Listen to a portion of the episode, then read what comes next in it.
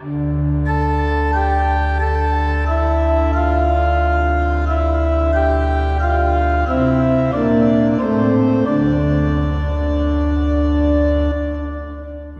välkommen ska du vara till Predikoverkstan, en podcast från församlingsfakulteten i Göteborg.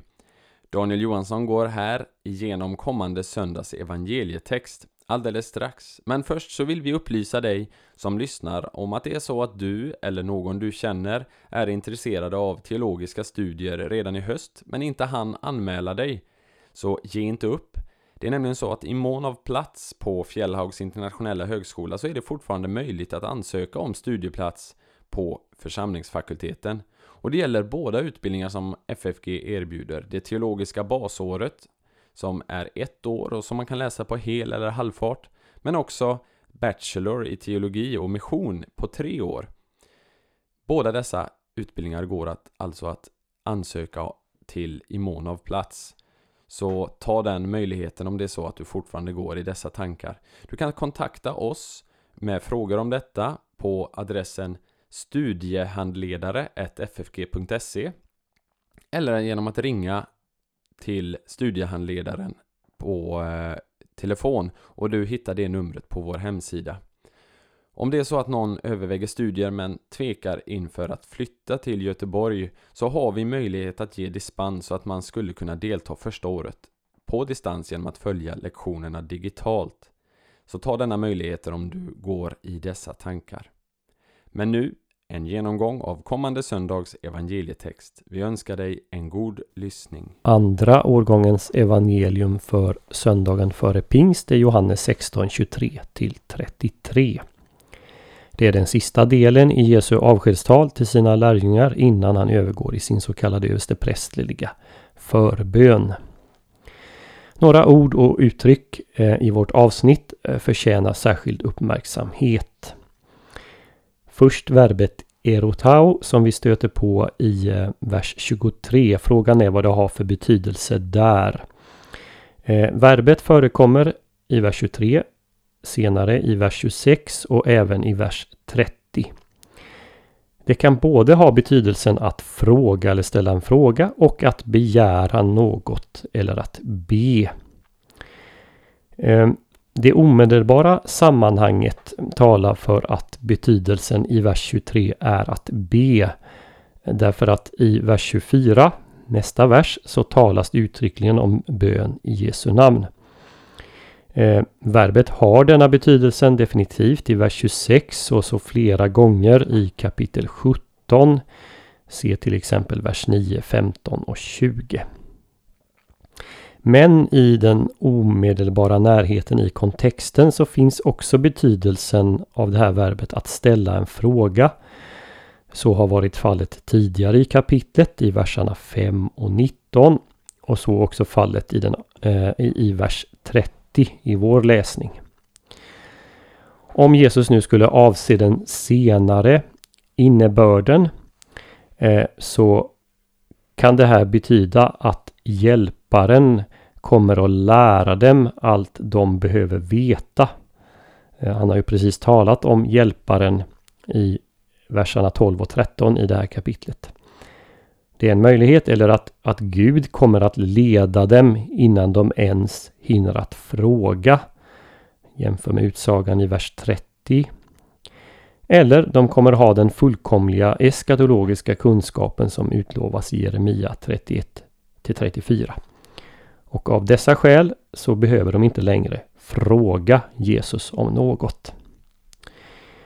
Är innebörden däremot att begära, att be, så tog det Jesu avsikt vara att lärjungar inte längre behöver vara beroende av att be Jesus om något. De kan istället närma sig Fadern direkt som Jesu representanter i hans namn. Kanske nu båda betydelserna avses både eh, be, begära och fråga.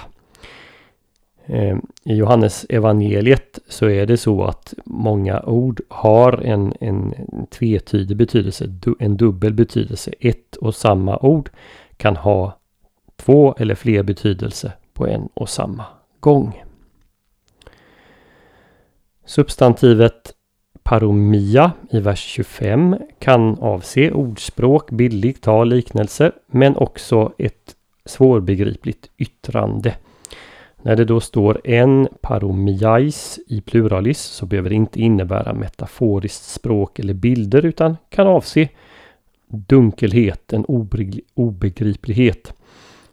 Eftersom lärjungarna fortfarande inte kan betrakta det som Jesus säger i ljuset av händelserna på långfredag och påskdag.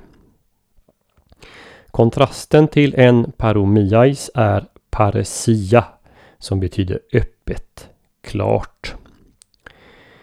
Uttrycket en ekeine te hemera förekommer två gånger i vers 23 och i vers 26.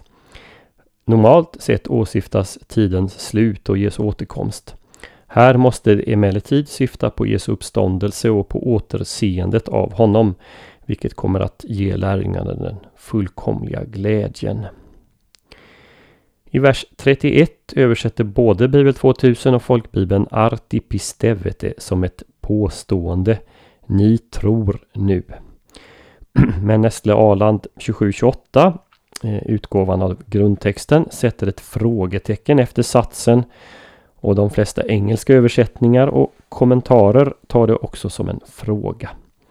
Med tanke på det som följer om hur lärjungarna ska överge Jesus ligger det väl ändå närmare till hands att ta det som en fråga från Jesus. Tror ni nu? Det ligger en viss skepsis bakom en stilla tillrättavisning. Man kan dela in eh, evangelieläsningen i två huvudavsnitt. Där den första verserna 23 till 28 handlar om att tala med Gud Fadern i Jesu namn.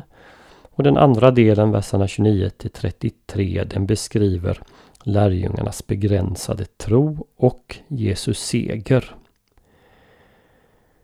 Första avsnittet i vår läsning skulle ha passat bra som text på bönsöndagen. Det talas om bön i Jesu namn, något lärjungarna hittills inte har brukat. Men ett tema som Jesus tagit upp redan i kapitel 14, vers 13 och 14. Det talas vidare om bönhörelse. Bed och ni ska få. Eh, det talas om det på ett sätt som påminner om Jesu ord i Lukas 11, vilket var föregående söndags text. Utsagan i vers 26 att Jesus inte ska be till Fadern för lärjungarna motsäger inte andra utsagor i Nya Testamentet som handlar om Jesu medlarverk i himlen. Jag tänker till exempel på Romarbrevet 8.34 och Hebreerbrevet 7.25. Johannes själv skriver ju i första Johannesbrevet 2.1 att om vi syndar har vi en som för vår talan hos Fadern. Dessa senare utsagor har med Sonens roll i frälsningsverket att göra. Men det Jesus avser här i Johannes 16 eh, det är att han inte behöver förmedla lärjungarnas böner. De kan gå direkt till Fadern i Jesu namn. Raymond Brown uttrycker saken så här. Jesus kommer inte vara ett tertium quid mellan Fadern och hans barn. Varför då? Därför att Fadern älskar lärjungarna precis som han älskar Sonen. Och därför att lärjungarna å sin sida eh, älskar Sonen. Inte så konstigt att Jesus kan kalla lärjungarna sina bröder efter uppståndelsen. Loisy eh, uttrycker Johannes evangeliets tanke så här. I sin upphöjelses tillstånd kommer Kristus inte be för de sina. Han kommer att be med dem och eh, genom dem i sin kyrka. Här kommer en av de djupaste punkterna i den kristna mystiken.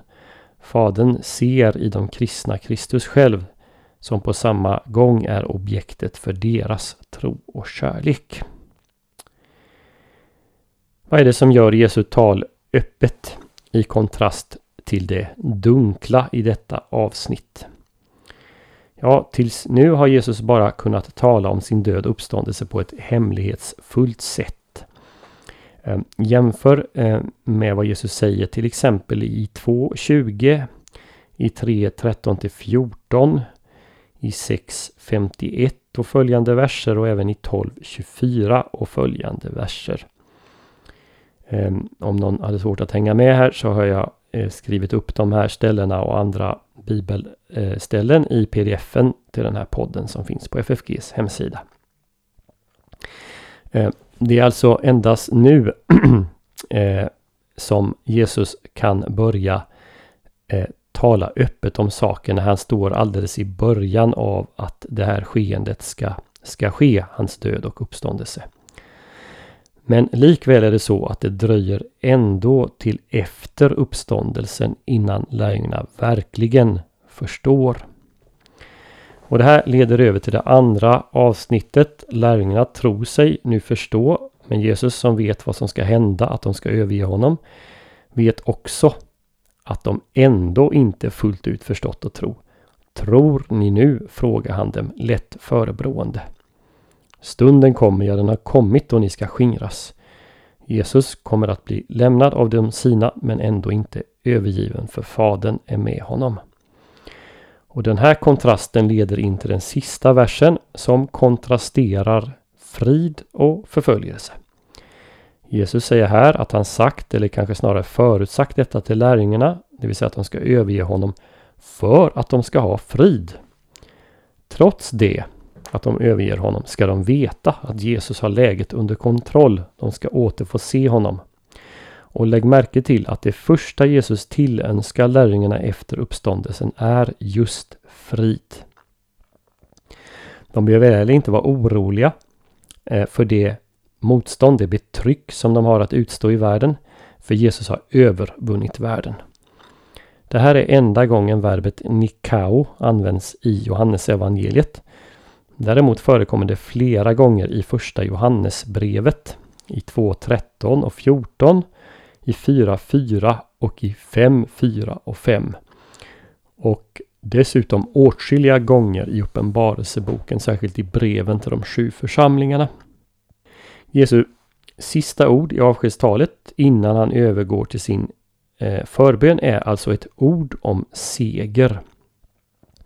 Och det passar väl med den övergripande tanken i Johannes evangeliet, Nämligen att Jesus i sin förnedring på korset blir upphöjd till konung.